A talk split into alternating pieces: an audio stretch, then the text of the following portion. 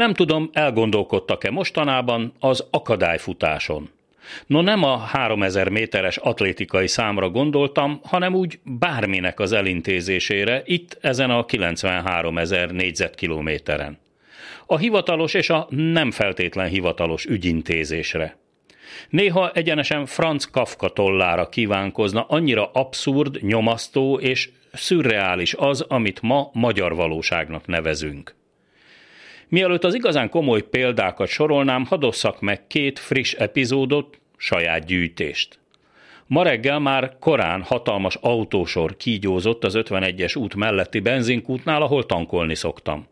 Mostanában nem ritkán 15-20 percnyi várakozásba telik, mire sikerül hozzájutni az áhított, rezsim csökkentett 95-ös benzinből 35-40 literhez. Biztosak önök abban, hogy ennek tényleg így kell lennie? Utoljára a boldogult Szovjetunióban, a hiánygazdaság ős hazájában láttam ekkora kígyózó autósorokat a kutaknál. Ott tényleg sokszor nem volt benzin, amúgy a világ legnagyobb olajtermelő országában, de ez vagy 40 évvel ezelőtt volt. Szintén ma reggel egy diszkont áruházlánc pénztárosa kérte el egy palack fehérbor vásárlása miatt a személyigazolványomat, pedig már háromszor 18 éves is elmúltam. Szabad szemmel láthatóan. Szabadkozott, már csak a hónap végéig tart ez a bornírt hülyeség, de ezt ott fent, bökött az égre, valaki kitalálta. Vevő elijesztésnek minden esetre pompás fogás.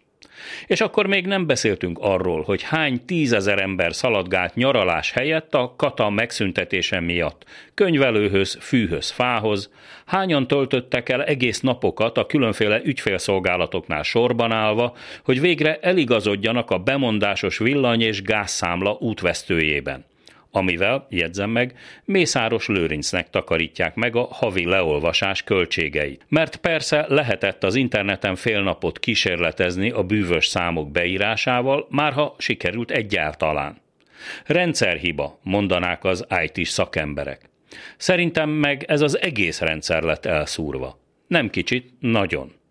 Fordított világban élünk jóléti társadalom helyett, ahol a polgár úgy érzi, minden körülötte forog, olajozottan működik az ő pénzéből miatta fenntartott gépezet. A miénk, mintha direkt rosszul léti társadalom lenne. Mintha az lenne a cél, hogy az egyébként általunk fenntartott állam hogyan tud még jobban kicsesz, szóval kiszúrni a saját polgárával, hogyan tudná még jobban megkeseríteni a mindennapjainkat. Heteket, hónapokat lopnak el így az életünkből, amikor orvosi beutaló, adóhivatali ügyintézés, telefonszámla korrekció, hitelbírálat, vagy ki tudja még mi okból várakoztatnak bennünket szinte mindenütt. Olyan értékes időt vesznek el tőlünk, amit akár a családunkkal, akár a klubrádió otthoni hallgatásával tölthetnénk el. Hasznosabban. Az esti gyors mikrofonjánál Hardi Mihály. A hírek után kezdünk.